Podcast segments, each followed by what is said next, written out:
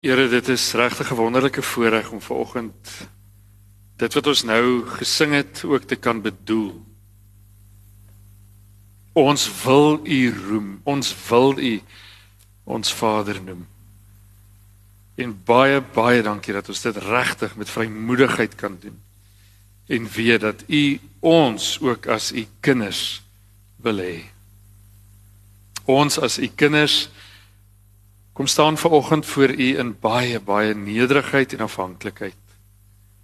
Veral wanneer ons ver oggend stil word rondom u woord, dit wat u wil sê ver oggend en dit wat ons moet hoor. Laat u wil geskied in die hemel net so ook op die aarde. Net so ook in hierdie erediens en in elke oor en hart en gedagte wat ver oggend hierna luister. Ons loof U in Jesus se naam. Amen. Terwille van julle wat nuut is en dalk die wat so bietjie tred verloor het met waarmee ons besig is, ons het ons hele jaar gewy aan 'n spesifieke fokus. Dis nie noodwendig 'n tema nie. Dis 'n fokus rondom redefining om om te herdefinieer, om nie te kyk, dieper te kyk. Maar ons wil dit vanuit God se perspektief doen. Ons wil nie ons eie dingetjies opmaak nie. Ons wil by die Here stil word en sê Here, as ons oor hierdie ding dink in ons lewe of in die wêreld of in die kerk, hoe dink U daaroor? En daarom spel ons dit so bietjie anders en ons sê redefine, redefine, ekskuus. So ons kyk ver oggend op 'n nuwe manier na die onderwerp van opofferings. Verlede week het Nadia gesels oor geld wat altyd vir haar 'n moeilike onderwerp is en oor aardse besittings. En een van die dinge waarmee sy afgesluit het was om te sê dat die ryk jong man sy goed, sy besittings, sy rykdom moes agterlaat en vir Jesus moes volg. En dis opoffering. So ons staan ver oggend bietjie dieper by opoffering stil en ons vra wat is die dinge wat ons in 2022 kan opoffer? Behalwe geld. Want dis sou half die obvious ding om op te offer is om geld te gee. Maar wat is die ander dinge wat ons ook kan en moet opoffer in ons lewens? Nou kom ons gee net gou 'n tree terug. Ek gaan nou ietsie sê oor die Hebreëse woord vir opoffering want die die konsep van opoffering het begin by offers. En as ons dink aan offers, dan dink ons veral aan die Ou Testament waar die volk vir God moes offers bring op 'n altaar. So daarom dink ek is dit nodig dat ek net vir julle noem vinnig dat die Hebreëse woord vir offer, sacrifice is korban. Korban.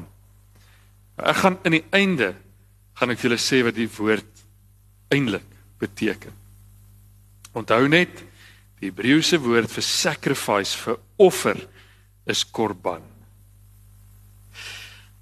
In die Ou Testament en ek gaan nie lank daarby stil staan nie want ons wil graag by die Nuwe Testament kom om te sê wat sê Jesus oor opoffering? Wat leer ons in die Nuwe Testament? Oor opoffering. Maar kom ons noem net so drie dinge oor die Ou Testament. In die Ou Testament moes mense offers gebring het vir verskillende redes. Een van die redes was wanneer die volk skuldig was en wanneer hulle tot 'n besef gekom het hoe verkeerd en vuil en sondig en verlore hulle is, dan het hulle na God toe gegaan met 'n offer. Nou dit was verskillende goed. Normaalweg was dit die die eersgeborene lam of kalf gewees. En dan het hulle voor God hierdie offer gebring en hierdie offer was so half 'n 'n vervanger, 'n plaasvervanger, 'n replacement vir wat hulle wat die eintlike skuldig is, moes deurmaak. So hulle moes eintlik gestraf word vir die twak wat hulle aangejaag het. Maar in plaas daarvan dat hulle hulle self beskikbaar stel as strafbare mense, het hulle dan 'n offer gebring en dan hierdie offer kom ons sê dit nou maar seer gemaak, doodgemaak, bloed moes vloei sodat hierdie offer geldig kon wees en dit was 'n manier hoe hulle vir God gesê het ons is jammer. En ons besef dat u vir dit wat ons verkeerd gedoen het iets of iemand moes straf. Maar ons vra dat u maar u straf op hierdie arme kalfie of lammetjie sal uithaal. Partykeer nie noodwendig so in die Jodendom nie, maar in ander gelowe koop 'n mens God se guns met jou offer. Jy kry dit veral in jou oosterse gelowe, ehm um, selfs in Hindoeïsme en in die Islam waar hulle sekere goeders moet doen om te maak dat God van hulle hou. So meer ek vir God gee, God met 'n klein letter, hoe meer hou God van my. So meer geld ek gee, hoe beter ek vas, hoe meer hou God van my. So ek koop God se guns. Nou ons weet dat ons nie meer God se guns kan koop nie. En ons het 'n lekker filosofie of 'n 'n waarde hier in ons gemeente. Julle weet ons vier waardes is eenvoud, egtheid, inklusiwiteit en diensbaarheid. En iets van hierdie eenvoud en egtheid sê ons vir mekaar, weet jy wat?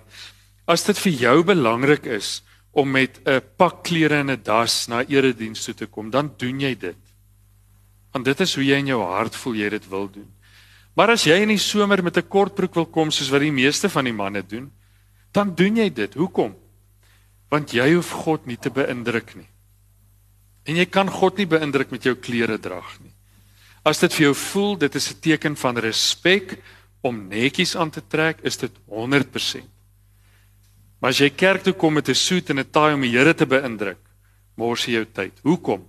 Want hy like jou klaar. So ek en jy kan niks doen wat maak dat God meer van ons hou nie. Want hoeveel hy van my en jou hou, word nie deur my bepaal nie, maar deur hom. So ons het ook nie nodig om offers vir die Here te bring sodat hy van ons kan hou nie. Of jy 'n 5 sent in die bordjie gooi by die kerk en of jy 'n 200 rand noot ingooi, dit gaan nie bepaal hoe die Here oor jou voel nie. Nou kom moet ons offers bring en wat moet ons dan nou opoffer. Nou interessant. Almal van ons ken Romeine 12. Dis die die teks wat gaan oor die nuwe lewe in Christus.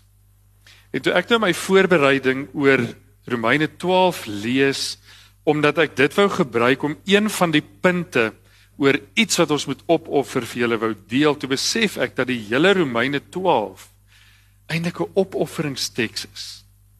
En ons gaan nou Romeine 12 lees en julle sal sien Ek het so 'n paar sinne of woorde gebold en gehighlight.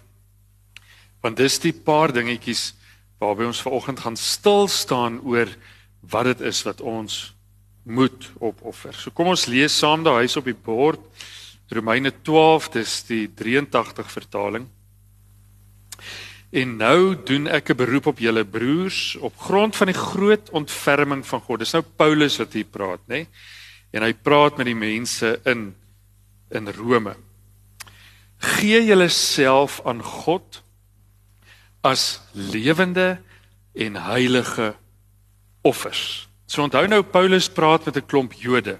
Die meeste van hulle is 'n klomp Jode wat presies weet wat 'n offer beteken. En nou sê hy vir hulle, onthou nou hy probeer 'n teologie swaai. Nou sê hy vir hulle, julle was gewoond daaraan om offers te bring op 'n altaar. Nou sê ek vir julle, Jy moet jouself altaar toe bring. Maar moet jy jouself doodmaak? Nee. Jy moet jouself as 'n lewende offer gee. So hoor hierdie nuwe baanbreker goed wat Paulus op die tafel sit. Gee jouself aan God as 'n lewende, so jy gaan nie jouself verbrand nie, jy moet aanhou leef en 'n heilige offer wat vir hom aanneemlik is. Dit is die wesenlike van die godsdiens wat jy moet beoefen. En daai woordjie wesenlike in die Grieks is om te sê dit is wat die hartklop is. Dit is die dingetjie wat die lewe aan die gang hou. Die wesenlike. So wat hou die godsdiens ons geloof aan die gang? Die wesenlike dinge. Wat is die wesenlike ding? om vir God 'n lewende en heilige offer te wees.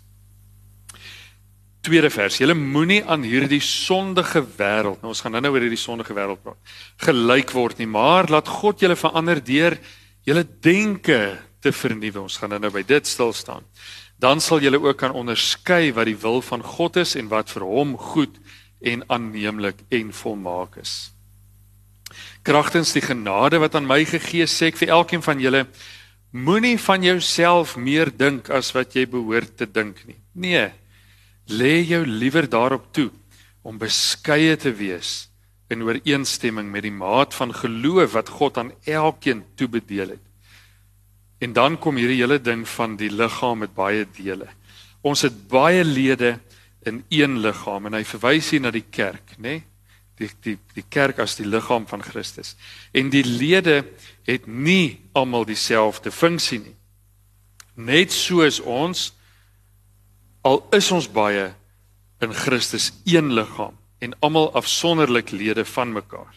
Ons het genadegawes wat van mekaar verskil volgens die genade wat God aan elkeen van ons gegee het.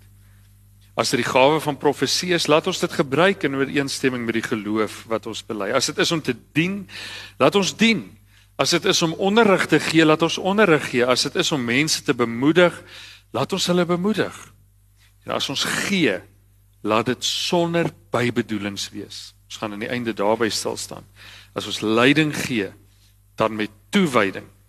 En as ons ander help, dan met blymoedigheid.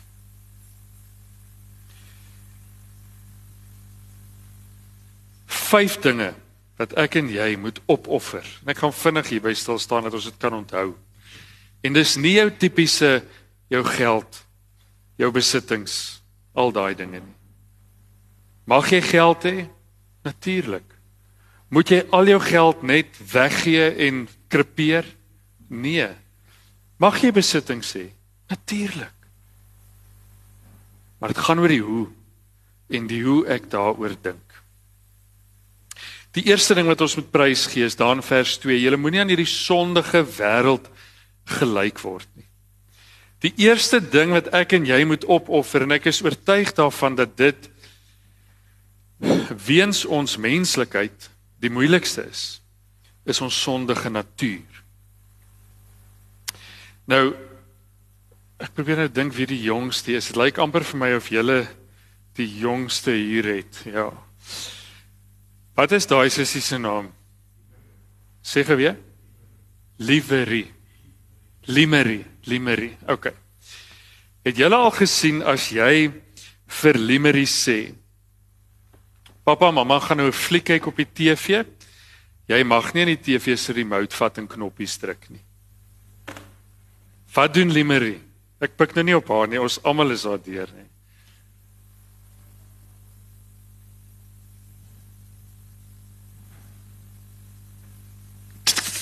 Druk sy knoppies. Wie het dit vir haar geleer? Het haar pa en haar ma vir haar geleer. Luister, as pappa en mamma sê moenie die remote se knoppies druk nie, moenie met die remote speel nie, dan moet jy dit doen nie. Nee. Het julle as ouers vir jou kinders geleer om te jok? As jy het kom sien my dringend. Het jy vir jou kind geleer van kleins af luister nê? As daai maatjie 'n speelding het wat jy eintlik wil hê, vat hom. Maak dit joune, steel hom. Nee. Nou, hoe op aarde Sorry, Limerie lyk my ek is die moeilikheid en nie jy nie. Dis ek nie jy nie. Hulle weet dit net. Kinders weet net hoe om verkeerde goed te doen. Hoe weet hulle dit? Hulle is met dit gebore. En dit is die sondige natuur. Is die feit dat as daai kindjie sy eerste asemteug in daai hospitaalsaal vat, is hy al sondig. Ons sê dit in ons doopformulier ook vir mekaar. Ons kinders word as sondaars in die wêreld gebring. Ek hoef nie te leer om te sondig nie, ek doen dit sommer van self. So ek en jy het hier diep binne in ons 'n klein stout mannetjie wat ons van die woord go af oortuig om verkeerde goeders te doen. En ons gee op 'n grotere of 'n mindere mate uitdrukking daaraan en ons leef dit uit. Ons almal doen verkeerde goed. Daar's nie een oom of tannie en julle kinders moet dit hoor. Dis nie net julle kinders wat stout is nie. Groot mense is ook stout. Selfs ooms en tannies doen ook verkeerde goed. Almal doen verkeerde goed want ons is sondige mense. Ons kan nie perfek wees nie. Maar dis een van die goed wat ons moet probeer om op te offer, om te gee, om weg te gee, om van ons slae te raak. Is hierdie hierdie sondige neiging wat ons het. Nou het ek gaan soek vir 'n boek oor hoe mense dit doen. Hoe offer ek my sondige natuur op? Daar moet 'n 5 steps to freedom of sin wees. Ek het by Joyce Meyer begin, maar daar was nie een nie. Toe by Rick Warren, maar daar was nie een nie. En toe besef ek maar daar is nie stappe om dit te doen nie. Daar's nie 'n quick fix of 'n kursus aanlyn wat jy kan loop oor hoe om op te hou sondig nie. Jy moet dit net doen. Dit is so eenvoudig soos dit. Ons maak dit complicated deur te probeer om maniere te kry om 'n skoner lewe te leef. Daar is nie 'n quick fix nie. Jy moet in die oggend opstaan en sê ek gaan vandag die regte keuses maak. Wanneer ek vandag gekonfronteer word met die geleentheid om te sondig, gaan ek nee sê daarvoor. Al moet ek die punch vat. Al moet ek meer belasting betaal as wat ek eintlik wil betaal. Al moet ek skuld erken en my spoedkaartjie betaal. Yes, toe ek dit sê, moes julle die vrouens se oë sien. Ek wens ek kon dit op kamera vasvang maak die keuse om nie te sondig nie. Maak die keuse dat kom ons praat nou weer in naataal as iemand vir jou gesê het om nie met hierdie mou te speel nie om dit nie te doen nie. Dis so eenvoudig soos dit. Die tweede ding is ons uitkyk op die lewe. En dis iets wat ons moet opoffer. Kyk daarso, laat God julle verander. Hoe verander God my? Miskien sluit dit aan by die vorige punt, nê? Nee, hoe gaan ek ophou om sonde te doen? Hoe gaan ek my sondige natuur opoffer? God moet my verander. Hoe doen hy dit? Deur my denke te vernuwe, dat ek kan onderskei wat die wil van God is. God moet my denke verander en daarom moet ek iets prys gee. Ek sal in baie baie kere of opsigte die manier hoe ek oor sekere goed dink moet opoffer sodat ek kan plek maak vir God om 'n nuwe saadjie in my kop te plant. Ek sal byvoorbeeld en ek ek praat nou maar uit my eie lewe uit moet nie dink oor wat ek beskou as rykdom.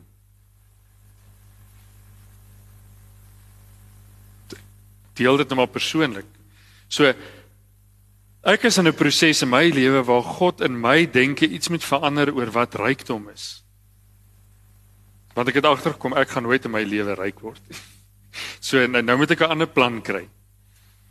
En nou is nie 'n ander plan nie. So nou sê ek Here, maar dan moet U asseblief my kop bietjie swaai oor oor wat ek wil hê in terme van rykdom of hoe ek rykdom daaroor dink. En dis 'n proses hoe God my denke verander. Maar die eerste stap is ek moet die prentjie wat ek nou in my kop het van rykdom moet ek uit my kop uitsit. Ek moet dit opoffer sodat ek kan plek maak vir God om my te laat nuut dink. Miskien moet God jou kop 'n bietjie swaai oor politiek, finansies, jou werksmense, jou huwelik, jou maats by die skool sekere dinge wat jy glo oor God self dalk. Ek weet een ding waarmee baie mense sukkel is die hele ding dat God vandag nog nodig het om my te straf vir alles wat ek verkeerd doen. En vir so lank as wat ek met die ding in my kop loop dat God nodig het om my te straf as ek iets verkeerd doen, mis ek uit op 'n ongelooflike stuk genade wat deur Jesus gekom het. En ons vier dit volgende naweek. Jesus Christus was die grootste straf van God. oor alles wat ek en jy verkeerd doen. Maar voordat ek nie hierdie prentjie uit my kop uit opgeoffer het dat God nie nodig het om my te straf nie, kan ek nie begin nie dink oor genade nie. So dis die tweede ding. Ek en jy moet behalwe dat ons ons sondige natuur moet opoffer, moet ons ook ons denkwyse, ons manier van dink wat nie in God se wil val nie, moet ons opoffer. Die derde ene en ek pik altyd op ons manne want ons sukkel besonder baie hiermee. Vrouens doen ook. Maar dit wat die petrol is in 'n man se lewe wat hom aan die gang hou, wat daai pistons laat beweeg, is hierdie ding en dit is sy ego. En hier sê Paulus vir ons: Moenie van jouself meer dink as wat jy behoort te dink nie. Nou dit gaan nie net daaroor dat jy hierdie high and mighty persoonlikheid het nie. Dit it, it boils down, ekskuus vir die Engels, but it boils down to the smallest details in our lives. Laas keer toe ek hier voorgestaan het, gepraat oor byvoorbeeld hoe ek 'n kelnerin hanteer. Die manier hoe ek oor myself dink bepaal hoe ek hierdie kelnerin hanteer. Hoe ek my kollegas hanteer, hoe ek die skoolhoof of kinders hanteer. Ander mense hanteer. Nie so sê Paulus vir ons, moenie van jouself meer dink as wat jy behoort te dink nie. So wat moet ek opoffer? Lelike moeilike woord is egosentrisme. Probeer daai ding sê na jou tweede glas Shiraz. Dis baie moeilik. Maar ego egosentrisme is 'n ding wat nie hoort in 'n kind van God nie. Egosentrisme beteken ek sentreer my totale bestaan op myself. It's me and myself and I. Maar solank as wat ek so myself aanbid, is daar nie plek vir 'n genadige God in my lewe wat wat my, wat my wil gebruik om diensbaar te wees nie want dan alles wat ek doen doen ek net vir myself. En dis 'n moeilike ding om op te offer is jouself. Is om jou eie belange, jou eie voorkeure, jou eie opinies op sy te skuif vir ander mense of vir God. Wanneer dit in kerkvergaderings kom, beleef ek dit baie. Wanneer mense in 'n kerkraadsvergadering sit of op 'n sinodes, nee, kom ons praat van 'n sinodes sitting. As jy op 'n sinodes sitting sit, beloof wie van julle was al op 'n sinodes sitting gewees? Innige simpatie. Jy sien hierdie ding by 'n sinodes sitting die duidelikste. Is wanneer 'n klomp gelowiges saam moet vergader en dan in die Noord-Kaap is daar 250 afgevaardigdes by so 'n vergadering, nê. Nee. En elke liewe ou wat daar is, moet terugstaan van homself sodat God se wil in hierdie sinode sitting kan seëvier. En dis 'n moeilike ding. En dan beleef jy baie keer in 'n sinode sitting kom 'n mens op 'n punt waar die ouens begin koppe stamp En ons het in die Noord-Kaap so gebruik gehad dat ons onmiddellik dan die vergadering pos. OK, dan stig ons eers 'n ad hoc taakspan, dis mos wat die kerk doen. En dan moet hierdie taakspan met daai manne gaan praat en agterkom wat is die krapperigheid hierso. En die die antwoord op daai vraag is altyd is hulle wou hulle eie hulle eie stempel hierop aftrek. Hulle wou hulle eie opinie voorkeur voor die Here se stel. Nou dis nie net in 'n sinode sitting so. Dis oral so. Maar as ek en jy ons eie ekkigheid voorop gaan stel, gaan ons baie moeilik beleef dat die Here ons op pad neem saam met hom. En as jy gaan kyk wat Jesus gedoen het in sy lewe hier op aarde, as hy met iemand in aanraking gekom het, wat is een van die eerste goed wat hy vir hulle gesê het is los waarmee jy besig is. Hy het al sy disippels so geroep.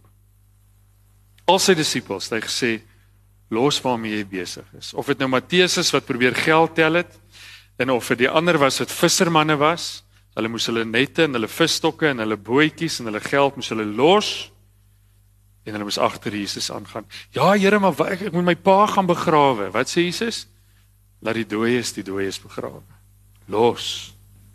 En dis daai opoffering van die eie ekkigheid.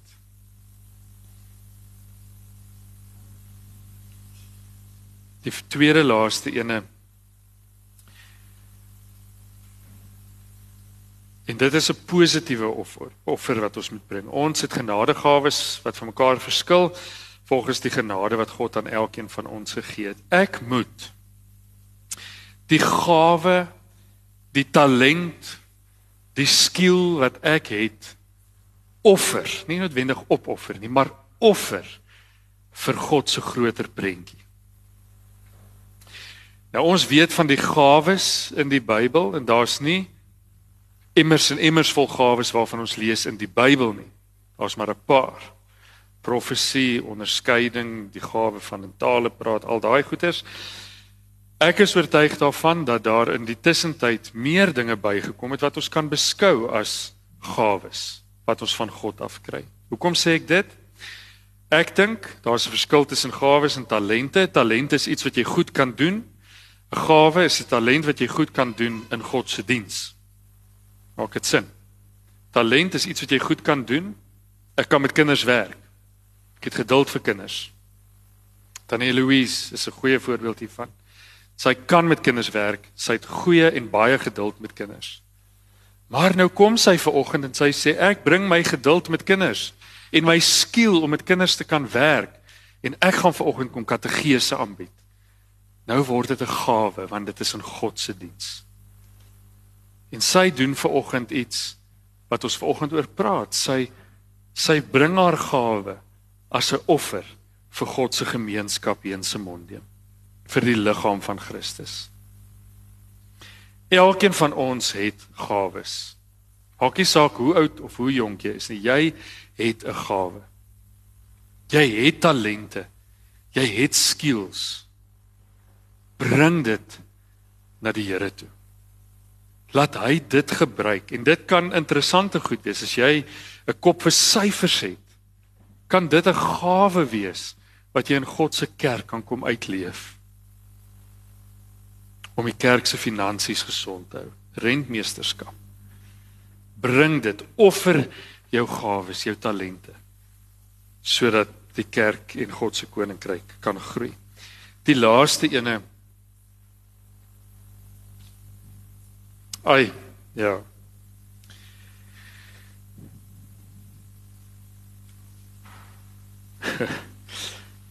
Een van die dinge wat vir my sleg is om te sien.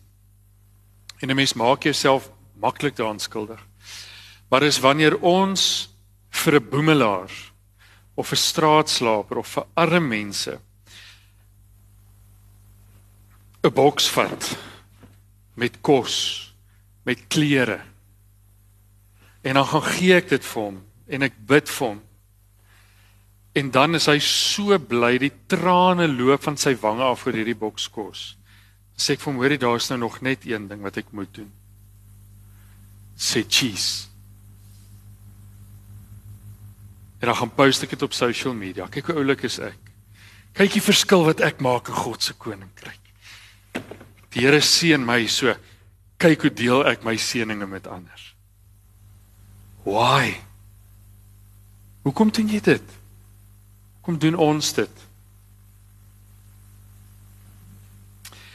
Miskien is dit omdat ons gee met 'n verwagting. Met 'n verwagting om iets terug te kry, 'n return on investment. Miskien met die verwagting om ten minste erkenning te kry dat ons gee. Ons lees hierso. As ons gee, laat dit sonder bybedoelings wees. Moenie gee om iets reg te kry nie. Moenie gee om 'n ou in jou kant te kry nie. Gee jou verwagting om iets terug te kry op. Offer dit. Sacrifice it. Let it go. Daarom waardeer ek mense wat sê Ek wil graag iets gee. Maar niemand mag weet dat dit ek is wat dit gegee het. Ons beleef dit ek is so dankbaar ons beleef dit in hierdie gemeente baie. Iemand wat sê, hoor hierso, ek wil graag vir 'n kinderhuiskind iets doen. Wat kan ek doen? Wat het julle nodig? En dan wanneer ons by die kinderhuis dit gaan oorhandig, dan vra hulle wie dit gegee. Hulle wil 'n dankie sê brief skryf. Dan is dit so lekker om te sê, nee. Daai persoon het gesê hulle wil niks terug hê nie, nie eers 'n dankie nie. Wow. Dit is gee. Dis opofferende gee. So wanneer ons gee, moet ons niks maar niks terugverwag nie. So moenie 'n selfie neem nie, want as jy 'n selfie neem beteken dit jy soek erkenning en dis jou verwagting van wat jy terugsoek. Don't do it. Ek sluit af deur net te herhaal en dan gaan ek vir julle terugvat na die Hebreëse woorde. Ons moet dinge opoffer. Dit is deel van ons geloof. Deel van ons Christelike geloof is om op te offer. OK. So as jy nie bereid is om iets op te offer nie, moet jy by die Here gaan stil word. Sê Here, is ek is ek op die regte pad? Verstaan ek hierdie kind van God wees ding reg? Wat offer ons op? Ons sondige neiging. Ons vooropgestelde idees, ons uitkyk op sekere dinge, hoe ons ons mind opgemaak het oor sekere goed. Baie keer moet ons dit opoffer om plek te maak vir God om ons denke te vernuwe. Ons moet ons ego opoffer, ons ons eie ekkigheid sodat ander mense eerste kan kom. Die eerste sal laaste wees en wie laaste sal eerste wees. Die vierde ene ons gawes, ons talente en ons vaardighede moet ons offer vir die Here bring en sê Here U is die pottebakker. Hier is vir u klei. En die laaste ene is ons moet gee. Ja, ons moet geld gee en ons moet besittings gee en ons moet goederes gee, kos en klere. Maar sonder die verwagting om iets terug te kry. Hebreërs 13 vers 16 sê moenie nalat om goed te doen en mededeelsaam te wees nie. Want dit is die offers wat vir God aanneemlik is.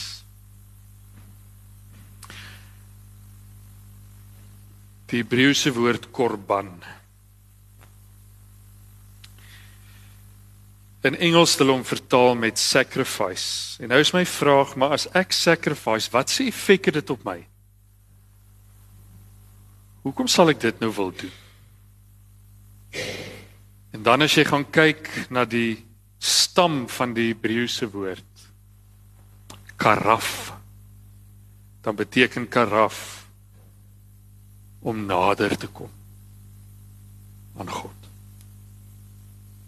En dit is die effek van opoffering. Is om nader aan God te kom. Dit is vir my wonderlik en en ek ek ek deel dit as getuienis dat ek in my persoonlike lewe 'n 'n vurige behoefte het om nader aan die Here te leef. Regtig.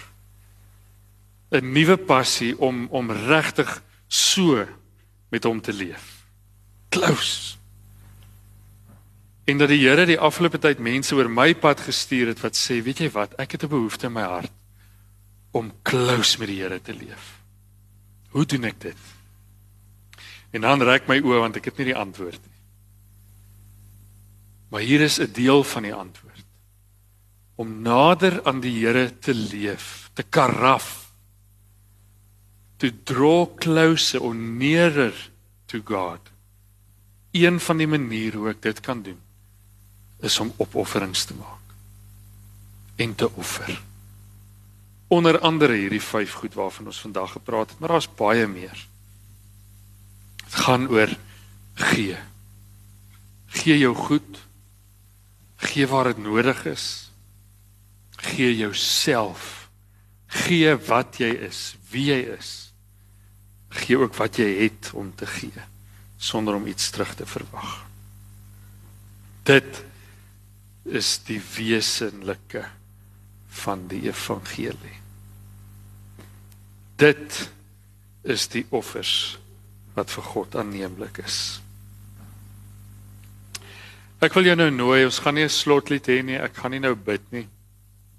Jy moet na die volgende lied luister. Dit is my my sangmeneer gewees te pre. Luister na die woorde van hierdie lied en terwyl hy dit sing, maak dit asseblief jou gebed. Dis eenvoudig.